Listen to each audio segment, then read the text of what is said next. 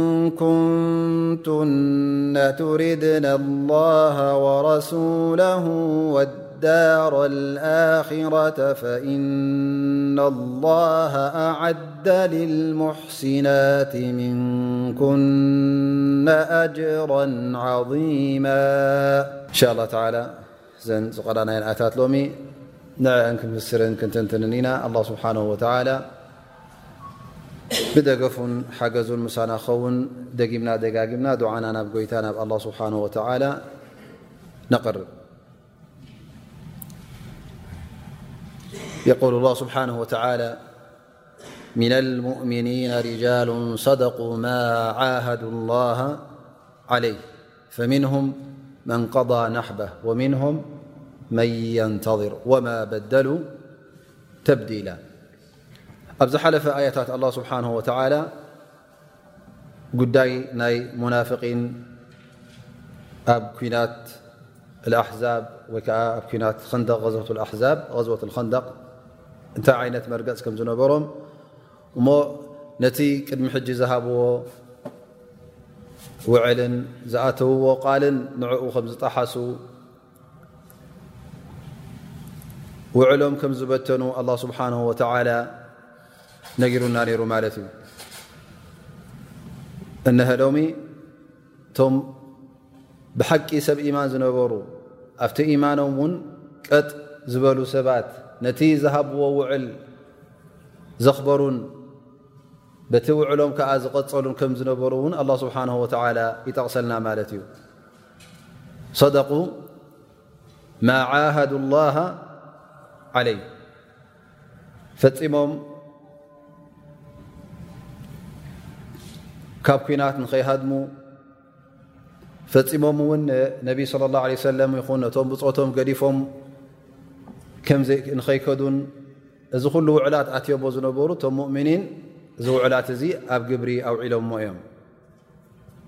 እቶም ሙናፍቒን ከምቲ ዝረኣናዮ ፍቲ ዝሓለፈ ኣያታት ፈፂሞም ክሃድሙን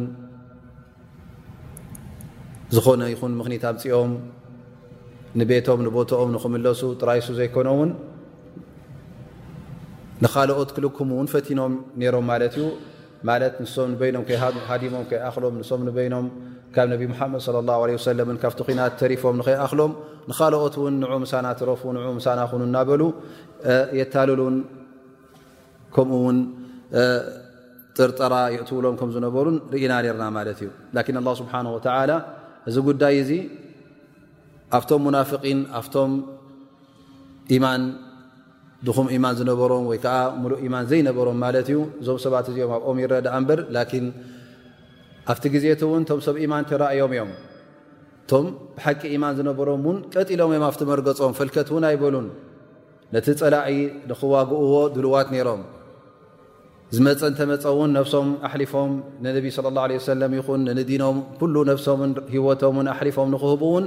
ድልዋት ነይሮም እዮም ስለዚ ነቲ ዝኣተዎ ቃል ዘይበተኑ እውን ነይሮም እዮም ብሓቂ ሰብኡትን ብሓቂ ንፉዓትን ብሓቂ ቆራፃትን ሰባት እውን ከም ዝነበሩ ኣላ ስብሓን ወተላ ይርእየና ኣሎ ማለት እዩ ምና ልሙእምኒና ርጃሉ ሰደቁ ማ ዓሃዱ ላ ለይ ፈምንሁም መን ቀض ናሕባ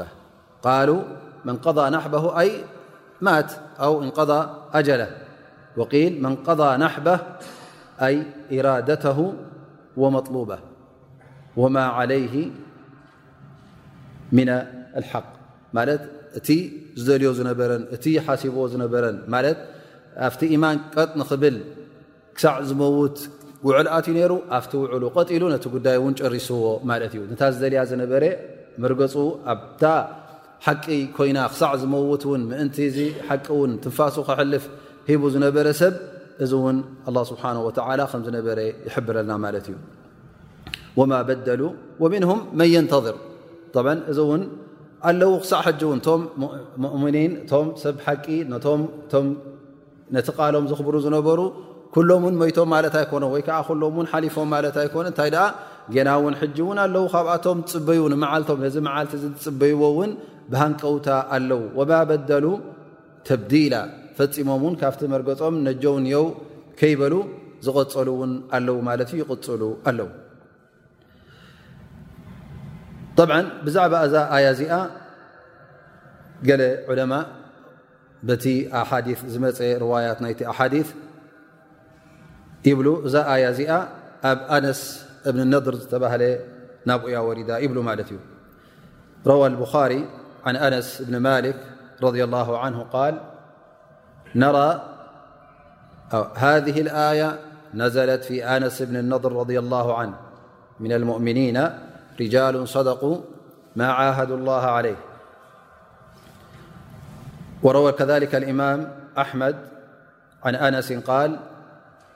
عمي أنس بن النظر - رضي الله عنه سميت به لم يشهد مع رسول الله - صلى الله عليه وسلم يوم بدر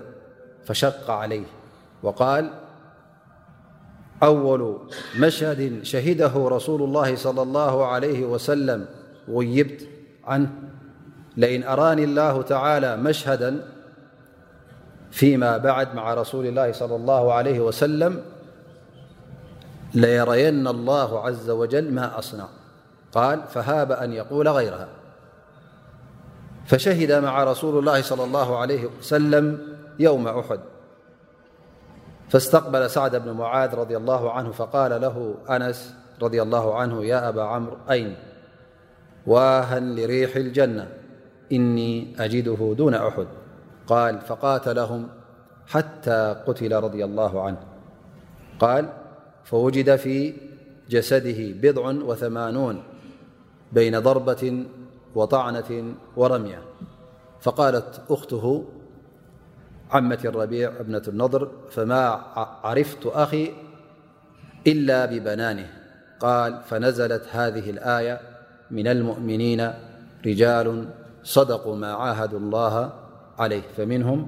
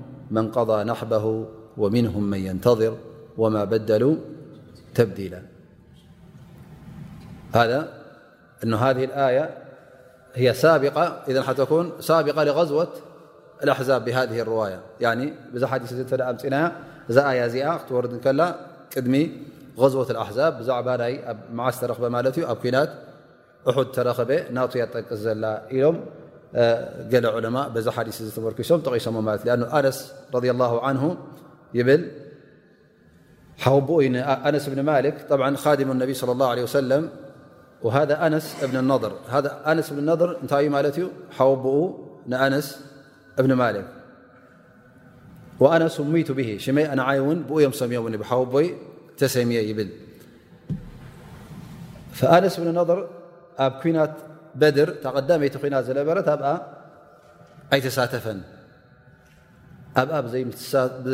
ነቢ ስ ሰለ ክወፁ ከለዉ ኩናት በድር ንሰብ ኩናት ኣሎ ኢሎም ኣይነገርዎም ሮም ማት ዩ ክወፁ ከለዉ ንካልእ ጉዳይ ዩ ሩ ማለት እዩ ን ረቢ ዝሓሰቦ ኮይኑ ናይ ረቢ ኮይኑ እታ ቀዳመይቲ ኩናት ኣብ መንጎ ነቢ ስ ሰለምን ኣብ መንጎ ቁሬሽን ተረኪባ ማለት እዩ ዝወት በድር ኣብዛ ቀዳመይቲ ኩናት ኣይተረከብኩን እሞ ኢሉ ብጣዕሚ ጉሁ ማለት እዩ እሞ እንታይ የብል ኣነስ እታ ቀዳመይቲ ኩናት ነቢ ስለ ላ ሰለም ምስ ፀላእ ተራኸቡላ ክሳተፍ ትምኒት ነይሩኒ ግን ኣይተሳተፍኩን ሓሊፋትኒ ግን ብድሕሪ ሕጂ እንተ ቀዳመይቲ ኩናት ኣብኣ ተሳቲፈስ እንታይ ከም ዝገብርሲ ኣላ ስብሓን ወተላ ክርእየኒ ይሸዑ ኢሉ ተዛሪቡ ማለት ካብዚ ላዕሊ እውን ክዛረብ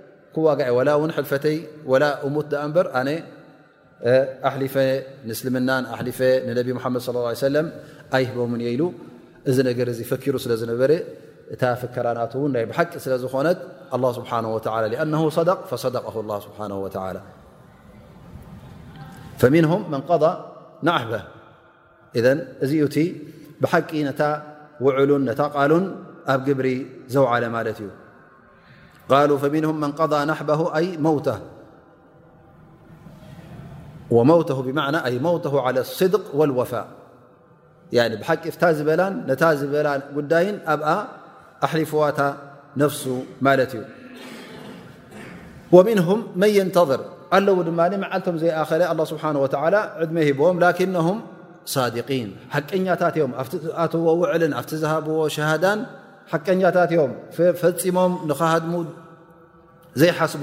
ፈፂሞም ካብ ኩናት ይኹን ካብ ውግእ ይኹን ካብ ምቅላስ ይኹን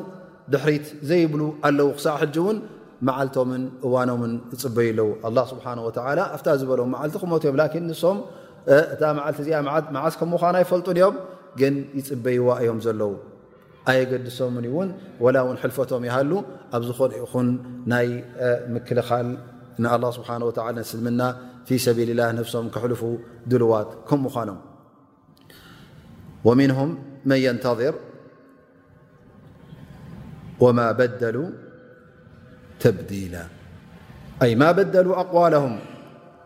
ነቲ ዝሃብዎ ውዕል ቅድሚ ሕጂ ኣይለወጡን ኣይቀየሩን መርገጾም እውን ኣይተቐየረን ሓደ መርገጽ እዩ ዘሎ ኣብ ሓንቲ መትከል እዮም ዘለዉ ማለት እዮም ፈፂሞም ፈልከት ኢሎም ካብቲ ውዕሎም ኣይወፁን ኣብቲ ኢማኖም እውን ይቕፅሉ እዮም ዘለዉ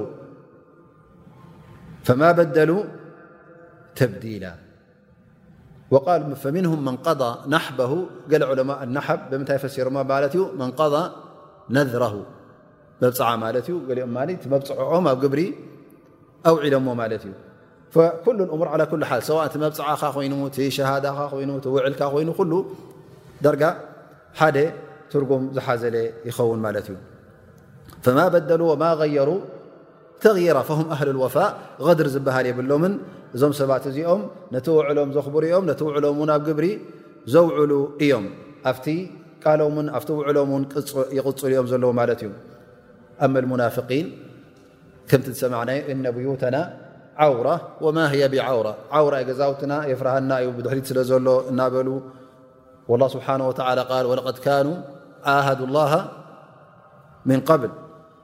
ላ ይወሉነ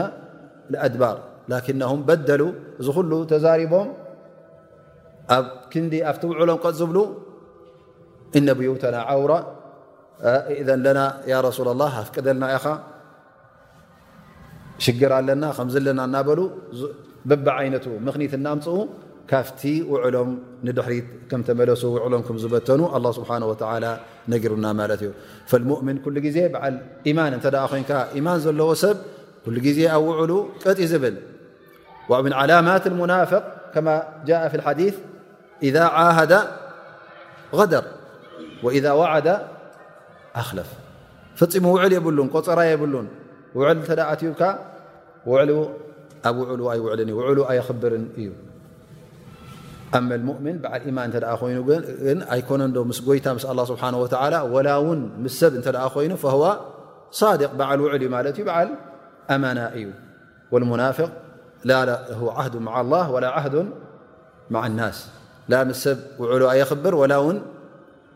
ምስ ጎይታ ምስ ኣላ ስብሓን ወተዓላ ውዕሉ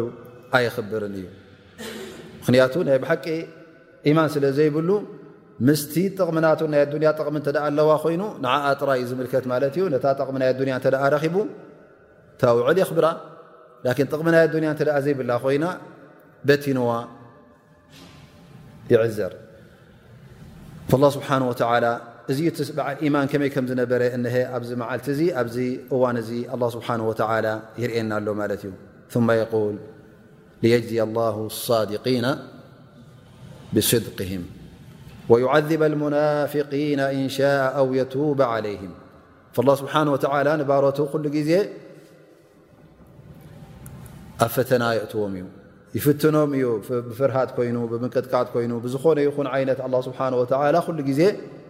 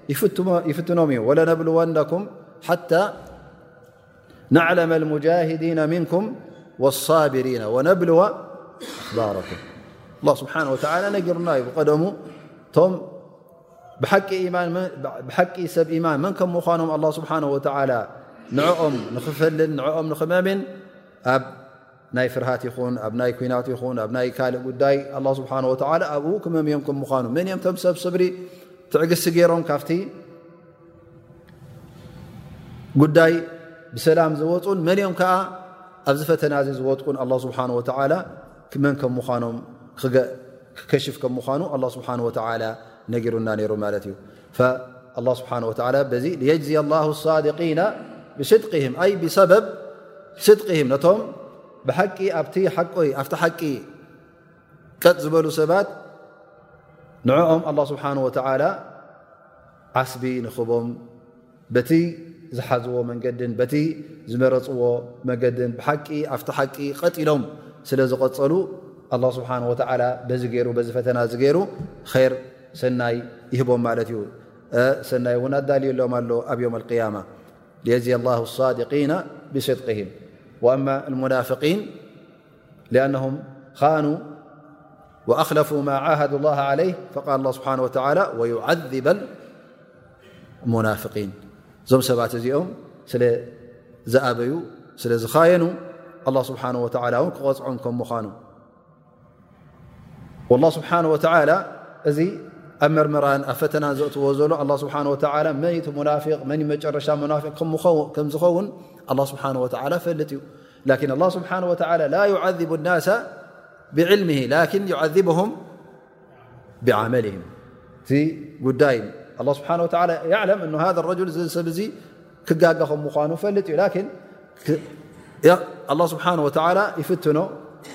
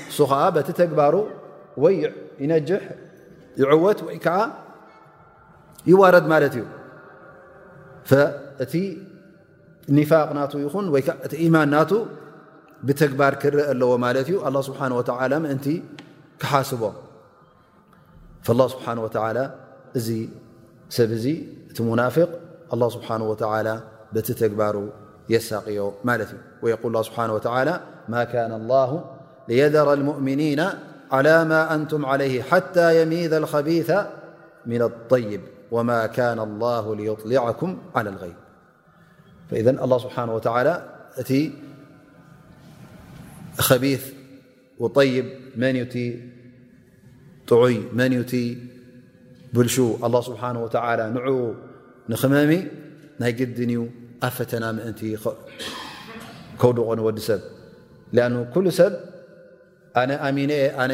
በዓል ኢማን እየ ይብል ይኸውን ላኪን እዚ ኢማን እዚ ብምንታይ እዩ ዝፍለጥ ብተግባር ክረአ ዘለዎ ማለት እዩ ጉዳይ ናይ መልሓስ ጥራይ ኣይኮነን ላኪን ሓቂ በዓል ሓቂ ኢማን ዘለዎ ኣብ ተግባር እዩ ዝረአ ማለት እዩ ተግባር እተ ኣብ ተግባር እተ ዘይተረኣየ ብኣፍካ ኩሉ ቀሊል እዩ ሙናፍቒን ብኣፎም ንሕና ሙእሚኒን ናብሉ ነይሮም ብዝያዳ ውን ንሶም ብኣፎም ይጀሃሩን ይረኣዩ ነይሮም ማለት እዩ ላኪን ክንደይ ኣለዉ ሰብ ዘይፈልጦም ዝረብኦም ደይስማዕ ላኪነም ኣብቲ ኢማኖም ንዕኦም ዝመስል የለን ኩሉ ግዜ ኣብ ቅድሚት ትረኽቦም ማለት እዩ ነቲ እስልምና ቀዳምነት ሂቦም ተግባራቶም ኩሉ ምስ እስልምና ዝኸይድን ምስ እስልምና ዝቕየድን ይኸውን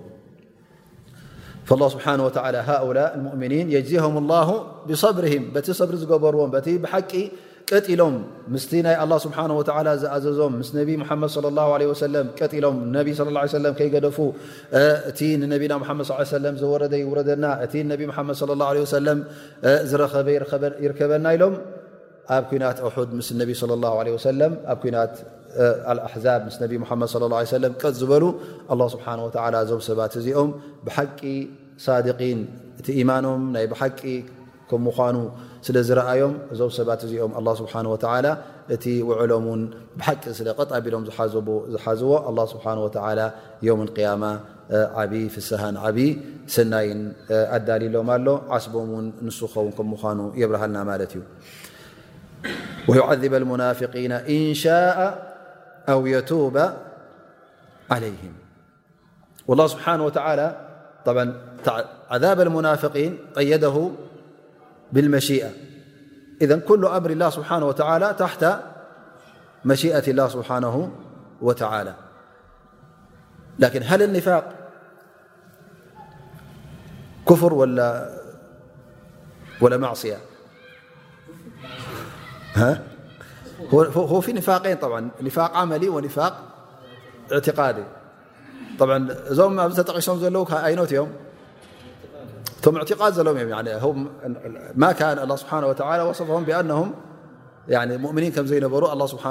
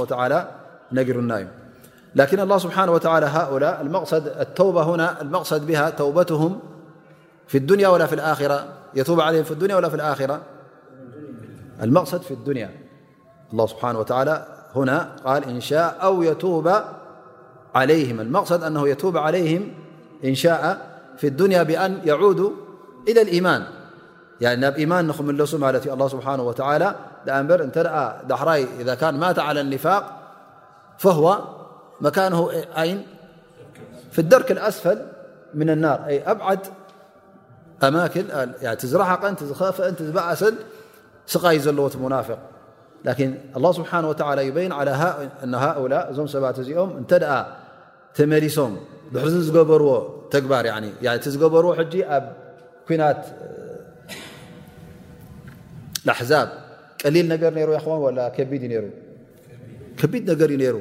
እዞም ሰባት ሙናፊቂን ነሮም ነቢ ስለ ላ ሰለም ኣግዲዖም ንድሕሪ ተመሊሶም ማለት እዩ ፀላኢ ብኩሉ ሸነኻት መፅኡ ኩሉ ኣንፃሮም ኮይኑ እቲ ጉዳይ ፀቢብ እዩ ነሩ ማለት እዩ ኣብዚ እዋን እዚ ካባኻ እቶም ምሳኻ ዝነበሩ እቶም ካባኻ ዘይፍለዩ ዝነበሩ ምሳና እዮም ትብሎም ዝነበርካ ወይ ከዓ ንሕና ንሶምን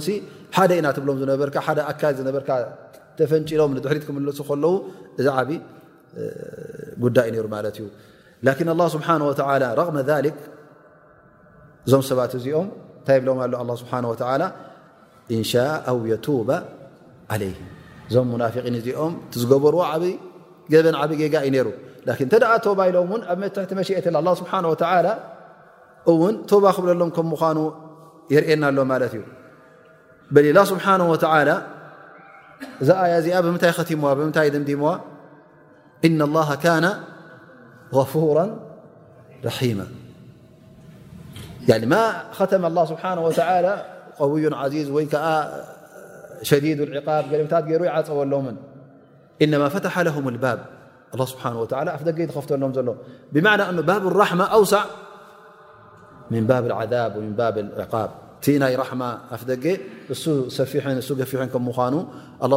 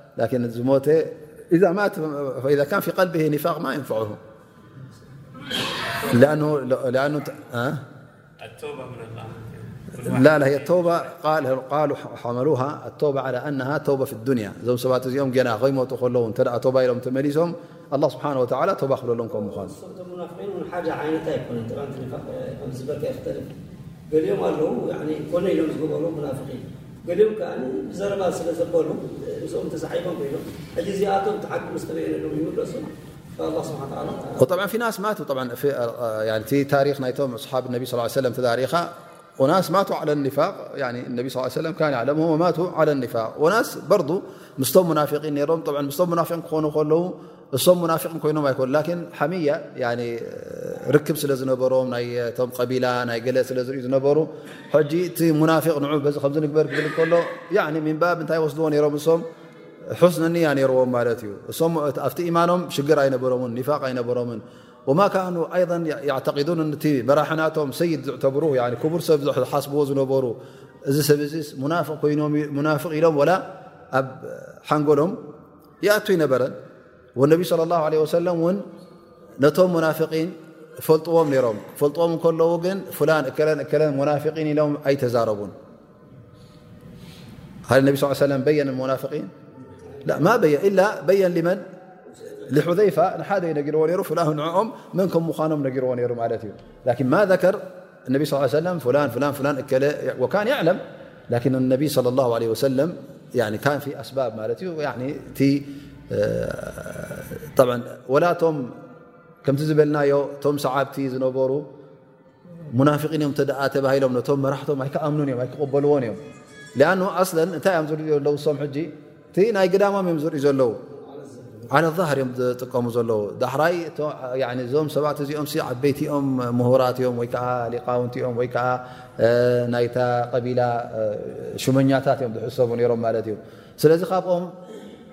ከምዚ ዓይነት እዚ ይፅበዩ ይነበሩ ማለት እዩ ፈኢዘን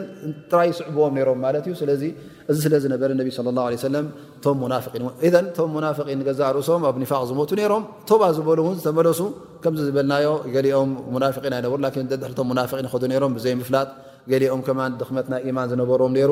ፈባብ ተውባ ሰዋእ ነቶም ሙናፍቒን ሓቂቀተ ኒፋቅ ዝነበሩ ማለት ናይ ብሓቂ ሙናፍቒን ዝነበሩ ለው ታቡ ኣላ ስብሓን ወተላ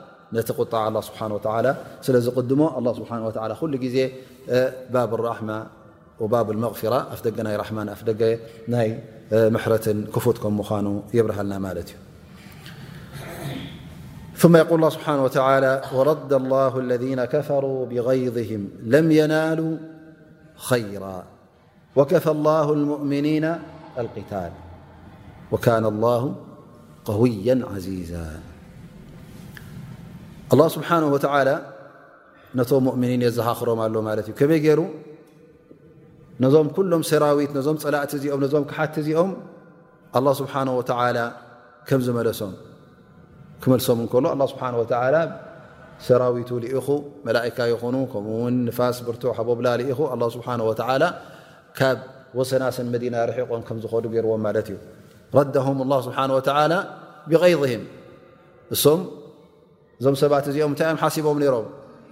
መፂኦም ክሕጎሱ እዮም ሓሲቦም ነይሮም። ነቢ ሰለላሁ ዓለይሂ ወሰለምን ነቶም ሰዓብቶምን ነቲ እስልምና ኩሉ ኣጥፊኦም ተረይሖም ክምለሱ እዮም ሓሲቦም ነይሮም። ላኪን ኣላህ ስብሓነሁ ወተዓላ ዝሓሰብዎ ከይመለኣሎም ጌና እቲ ኣብ ልቦም ዝነበረ ቕርሕንቲ ከይዝሓለሎም ኣላህ ስብሓነሁ ወተዓላ ንድሕሪት መሊስዎም ማለት እዩ። በል ቃለ ባዕዱ ዑለማ ኣላህ ስብሓነሁ ወተዓላ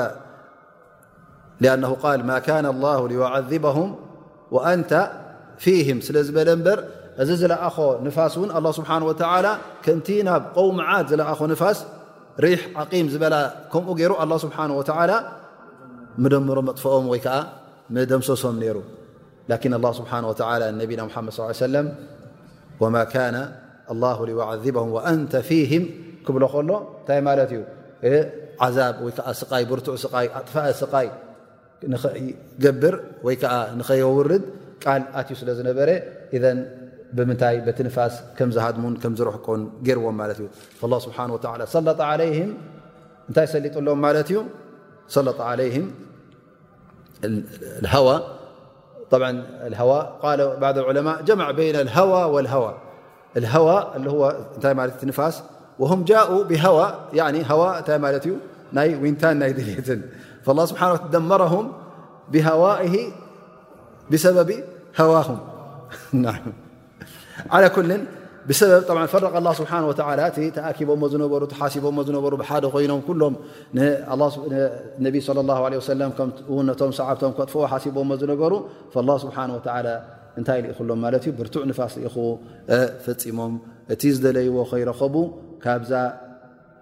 ቦታ እዚኣ ብሰራዊቱ ገይሩ ኣላ ስብሓን ወተላ በቶም ንሕና ዘይንፈልጦም ኣላ ስብሓን ወተላ ዝፈልጦም ሰራዊቱ ንፋስ ይኹን ካልእ መላእካ ይኹን ካልእ ዓይነት ፍጡር ይኹን ኣላ ስብሓን ወተላ እቶም ሰራዊቱ እንሱ ዩ ዝፈልጦም ብምንታይ ገይሩ የጥፍኦ ንፀላኢኻ ንፀላኢኡ ኣይትፈልጥን ኢኻ ኣን ኣላ ስብሓን ወተላ ቃዲሩን ዓላ ኩሉ ሸይ ንፊርዖን ኣላ ስብሓን ወተዓላ ብምንታይ ገይሩ ኣጥፍእዎ ማለት እዩ ብማይ ባሕር ገይሩ ኣጥፍእዎ ማለት እዩ ንቀውሚ ኑሕ ኣላ ስብሓ ወላ ብምንታይ ኣጥፍእዎም ነፍሱ ብላዕልን ብታሕትን ማይን ዝናምን ልኢኹ ሃዚ ኩሉ እንታይ እዩ ሰራዊት ናይ መን እዩ ናይ ኣላ ስብሓን ወተላ ኣላ ስብሓን ወተላ ኪድ ኣጥፍእ እንተ ኢልዎ ኣላ ስብሓ ወላ ፍጡሩ ስለ ዝኾነ ትእዛዝ ናይ መን እዩ ዝገብር ትእዛዝ ናይ ኣላ ስብሓን ወተላ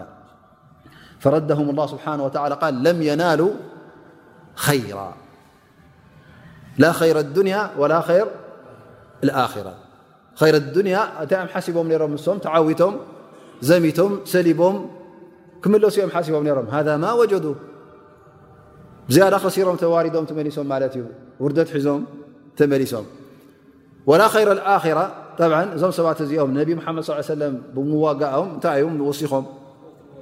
ዝያዳ ዘንቢኦም ዝውስኹ ዘለዉ ማለት እዩ ዝያዳ መቕፃዕቲ እዮም ክውስኹ ማለት እዩ ኣንም ነ ኣንየቕትሉ ነቢ ስ ሰለ ነቢ ሓመድ ስ ሰለም ንሰራዊቱ ንመዲና ዝነበረ ስላም ኩሉ ከጥፍኡ ሓሲቦም ነይሮም እዚ እውን እንታይ እዩ ኩሉ ኩሉ ንዕኦም ናይ ኣራ ዘንቢኦም ዝውስኹ ዘለዉ ማለት እዩ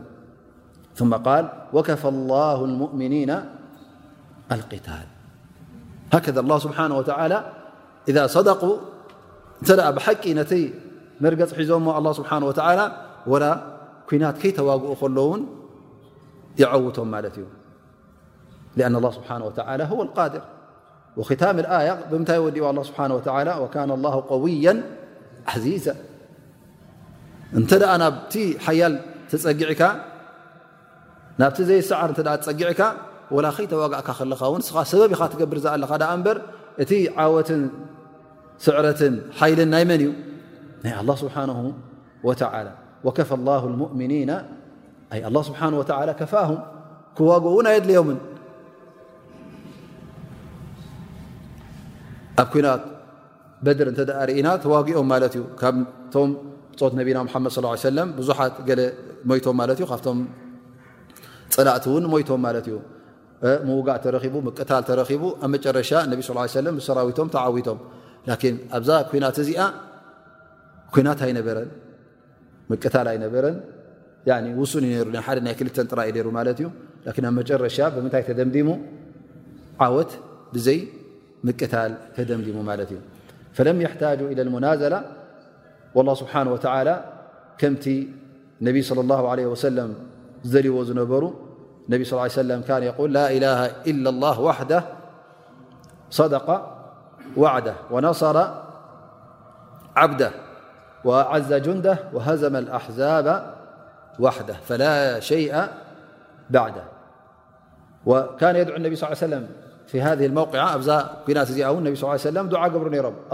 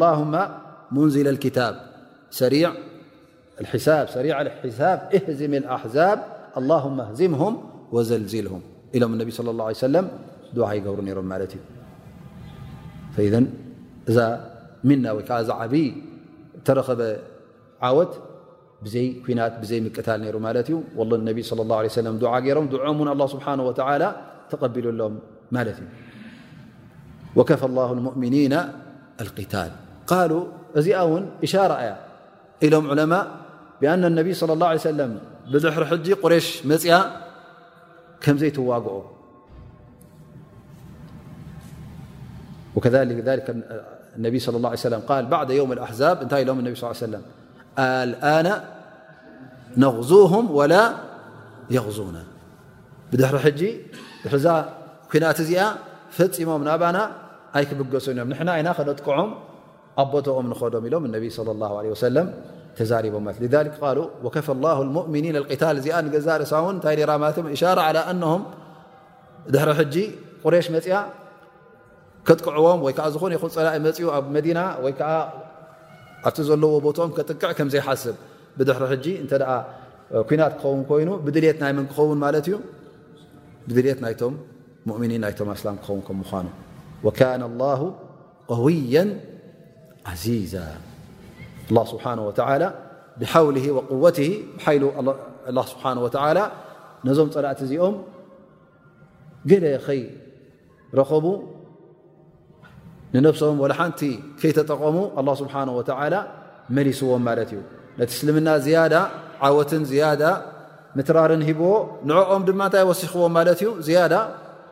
ውርደት ድሕሪ ናይ ወርሒ ምኽባብ ንመዲና ዳርጋ ወርሒ ገይሮም ማለት እዩ ብ ኣብዚ ወርሒ እዚ ክንደኦም ከሲሮም ማለት እዩ ዓዶም ገዲፎም መፅኦም እቲ ሒዞሞ ዝመፁ ስንቅን ነቲ ሰራዊት ዝኸውን ዝብላዕ ዝስተ ይኹን ናይ መሳርያ ይኹን ክንደኦም ኣዳልዮም ማለት እዮም ንገዛእ ርእሶም ሕጂ እንታይ እዩ ዝሕሰብ እዙ ዳርጋ ወርሒ ካብ ዓድኻ ወፅእካ ኣብ በረኻ ኣብ ዘይትፈልጦ ቦታ መፅእካ ኩናት ንክትፅበ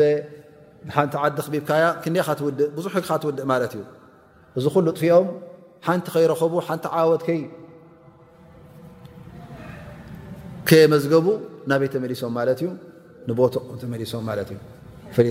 ስብሓ س ع سعر فم زيسع لن نبارت كم سعل يرم بحيل بت ناتخؤلت ثم يقول الله سبحانه وتعالى وأنزل الذين ظاهروهم من أهل الكتاب من صياصيهم وقذف في قلوبهم الرعب فريقا تقتلون وتأثرون فريقا እዚኣ ብዛዕባ መን እያ ጠቅስ ዘላ ብዛዕባ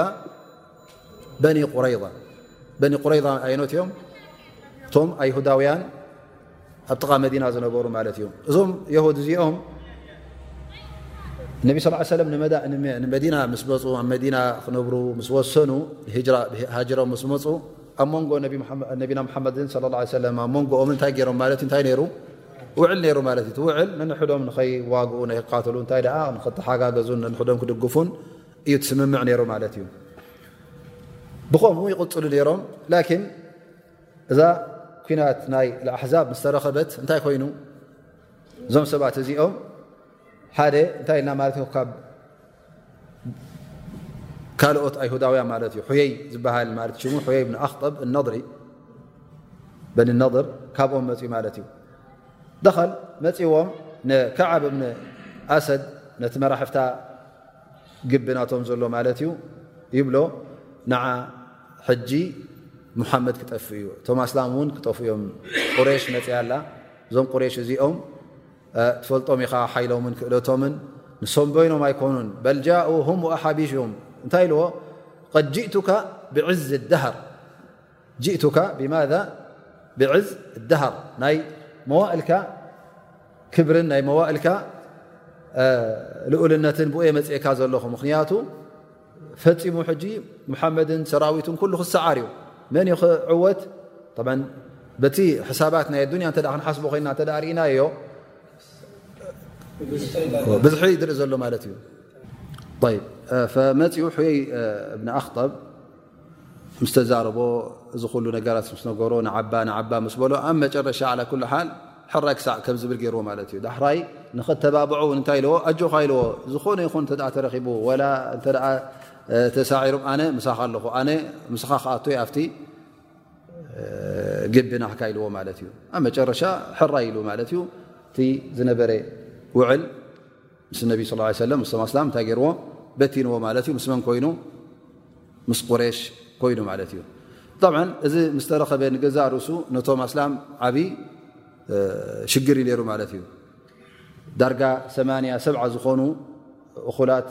ንኩናት ክካፈሉ ክእለት ዘለዎም ሰብኡት ነይሮሞም ማለት እዩ እዚኦም ሰባት እዚኦም እሞ እዚ ሕጂ እንደገና ይውሰኻሎ ማለት እዩ ኣብ ርእሲ ናይ መን ናይቶም ፀላእቲ ዳሕራይ እዞም ሰባት እዚኦም ንመዲና ቀረባ እዮም እንተ ሕጂ ሶም እንታይ ዩ ትሓሲቡ ነይሩ በቲ በኒ ቁረይዛ ዘላቶ ፀላኢ ኣይመፀናን እዮም ዝብል ሓሳብ እዩ ሩ ሕጂ እንታይ ኮይኑ ማለት እዩ እቲ በኒ ቁረይዛ ዘላቶ ንገዛ ርእሱ እንታይ ኮይኑ ማለት እዩ ኣፍ ደገ ኬፊትሎም ማለት እዩ መእተዊ ንፀላኢ ኮይኑ ሶም ዝገዛእ ርእሶም ፀላእቲ ኮይኖም ማለት እዩ ኣብ መጨረሻ እታ ኩናት ምስ ተወደአት እነቢ ስለ ላ ለ ሰለም ንገዝኦም ተመሊሶም ኣብ እሙ ሰለማ ነብሶም እናተሓፀቡ ከለዉ ጅብሪል ዓለ ሰላም ይመፅኦም ማለት እዩ መፅኡ ዓላ በቕላ ኣብ በቕሊ ተሰሪሩ መፅዎም ማለት እዩ ያ ሙሓመድ እንታይ ትገብር ኣለኻ ንዋትካ ኣውሪድካያ ዲኻ መሳርያኻን ኩሉ ኣውሪድካያ ዲኻ ኢሎም ጅብሪል ይሓተመ እዎ ይብሎም ላ ንሕና ደኣ ጌና ዘየውረድናዮ ኣላ ስብሓን ወተዓላ እውን ሕጂ ንበኒ ቁረይዛ ንክንከይድ ኣዚዙና ኣሎ እሞ ተለዓል ይብሎ ማለት እዩ ፈነቢ ስለ ላሁ ለ ወሰለም ከም እንደገና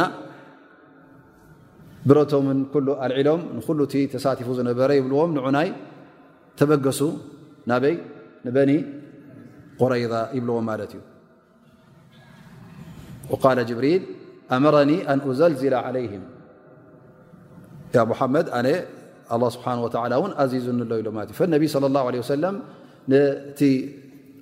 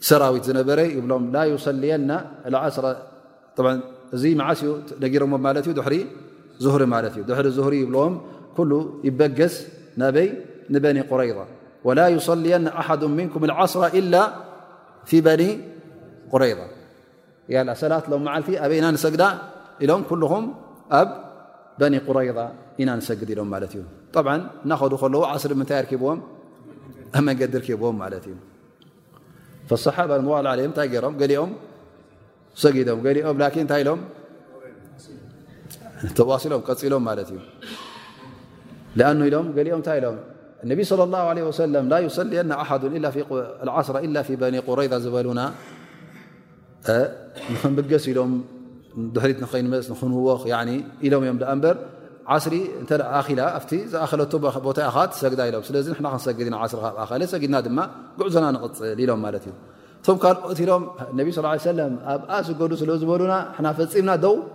ኣይንብልን ኢና ኣብኣ ክንኣት ኣብኣ ምስኣተና እንሻ ላ ኣልዕሻ ንእተዋ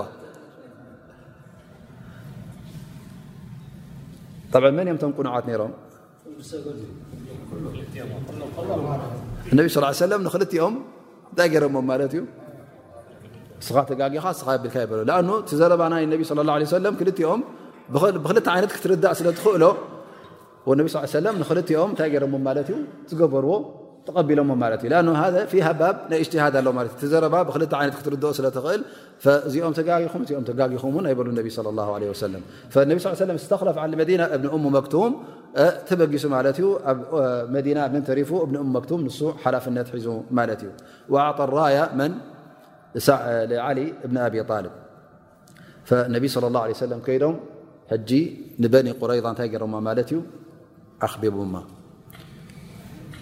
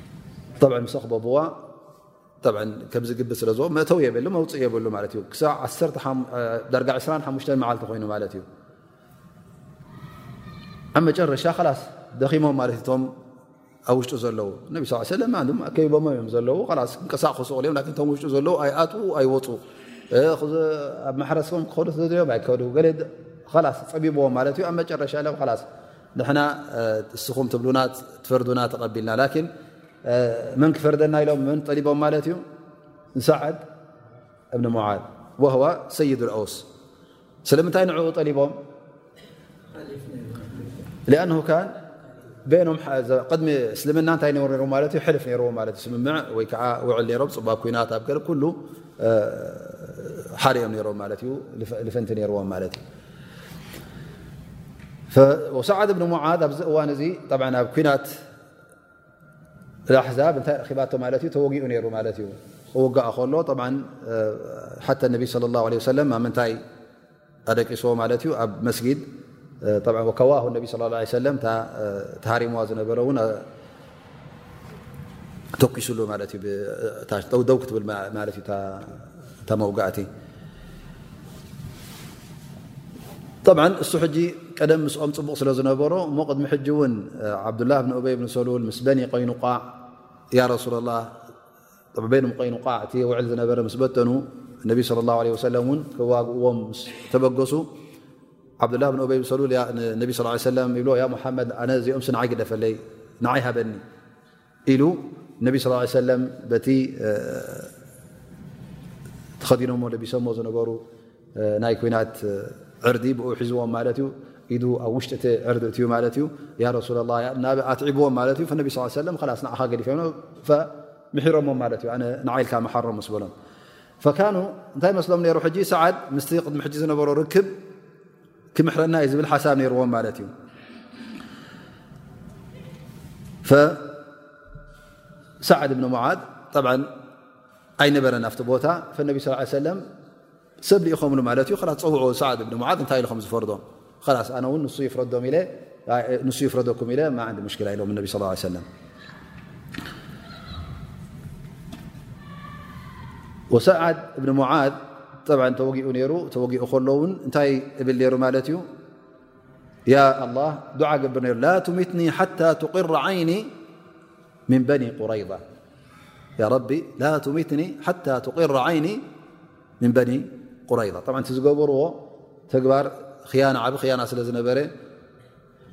ፈካን የስኣላ ስብሓን ወተላ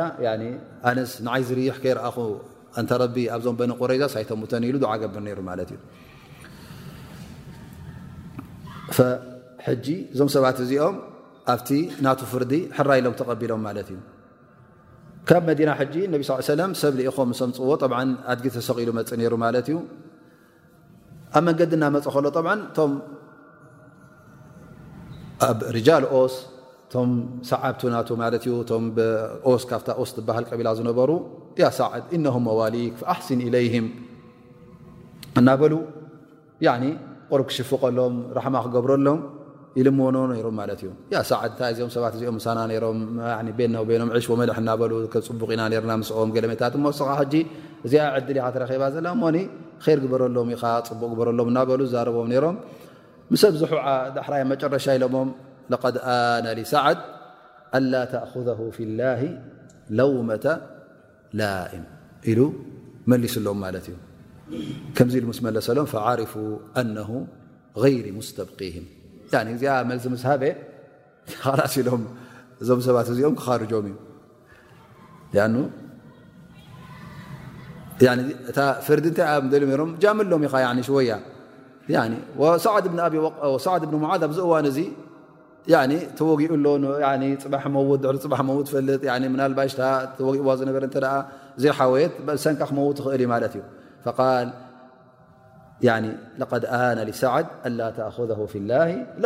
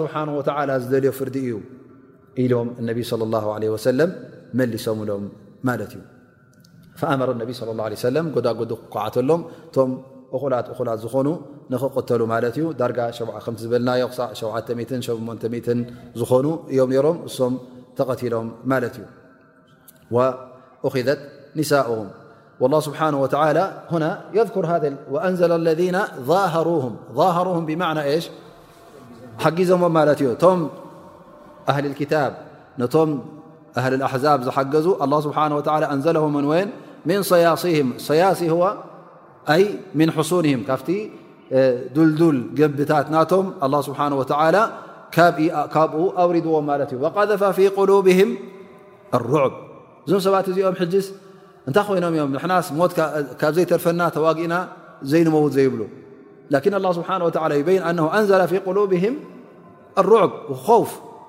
እሶም ብ ሻረኮ ቶም ምስቶም ሙሽርኪን ምስኦም ተሓጋጊዞም ምስኦም ቢሎም ነሮም ሕጂ ግን እቶም ሙሽርኪን ምስ ገደፍዎም እንታይ ኣትዎም ማለት እዩ ፍርህን ራዕድን ኣትዎም ማለት እዩ እዚ ኩሉ ተኣኪቡ ዝነበረ ኩሉ ምስ ከደ ኩሉ ተሳዒሩ ምስ ሃደመ እንታይ ኮይኖም ማለት እዮም ሕጂ ጥራይ ንበይኖም ምስ ተረፉ ሕጂ እንታይ ኣትዎም ብጣዕሚ ፍርሃት ኣትዎም ማለት እዩ ፍርሃት ስለ ዝኣትዎም እውን እንታይ ኮይኖም ማለት እዩ እቲ ዝቕተል ተቐትሉ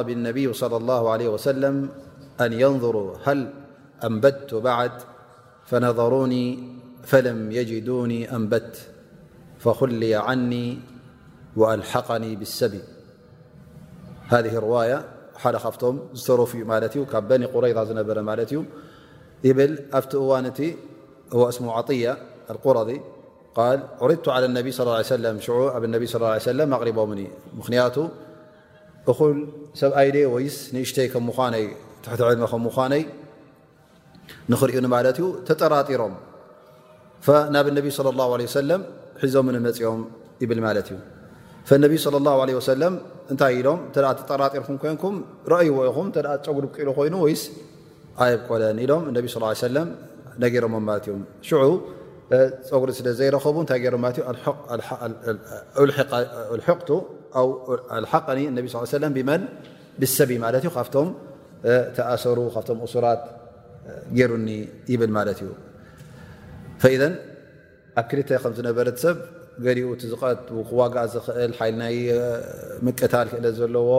ክዋጋእ ዝኽእል ንዕኡ ተቐትሉ ማለት እዩ ምክንያቱ እሶም እዮም ንክዋግኡ ሓሲቦም ነይሮም ንሶም እዮም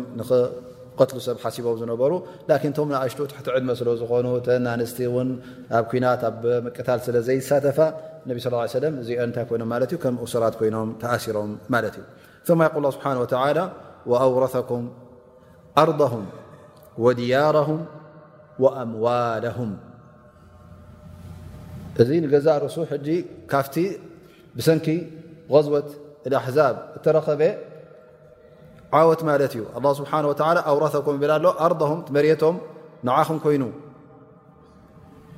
ذتم ن نسم ورسكم وأموالهم كل ل نعم ين فجعله لكم الله سبحانه وتعلى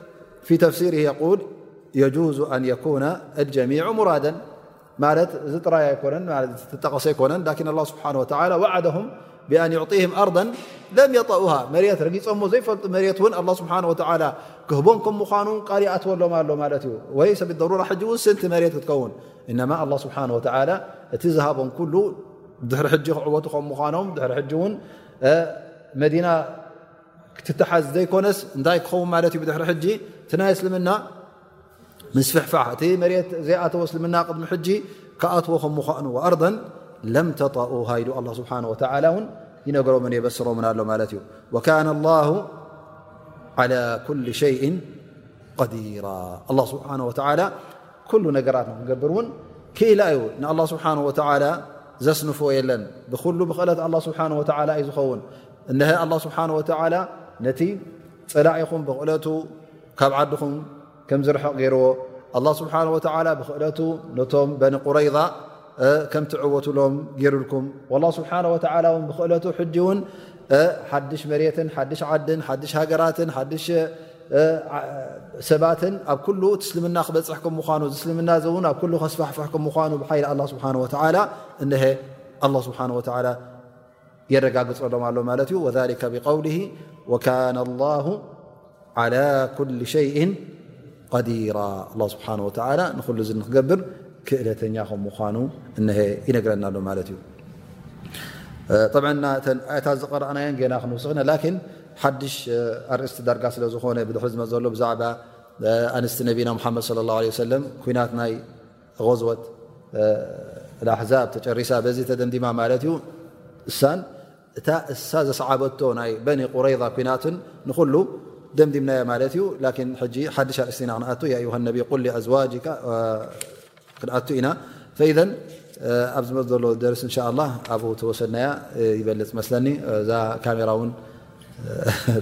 سللت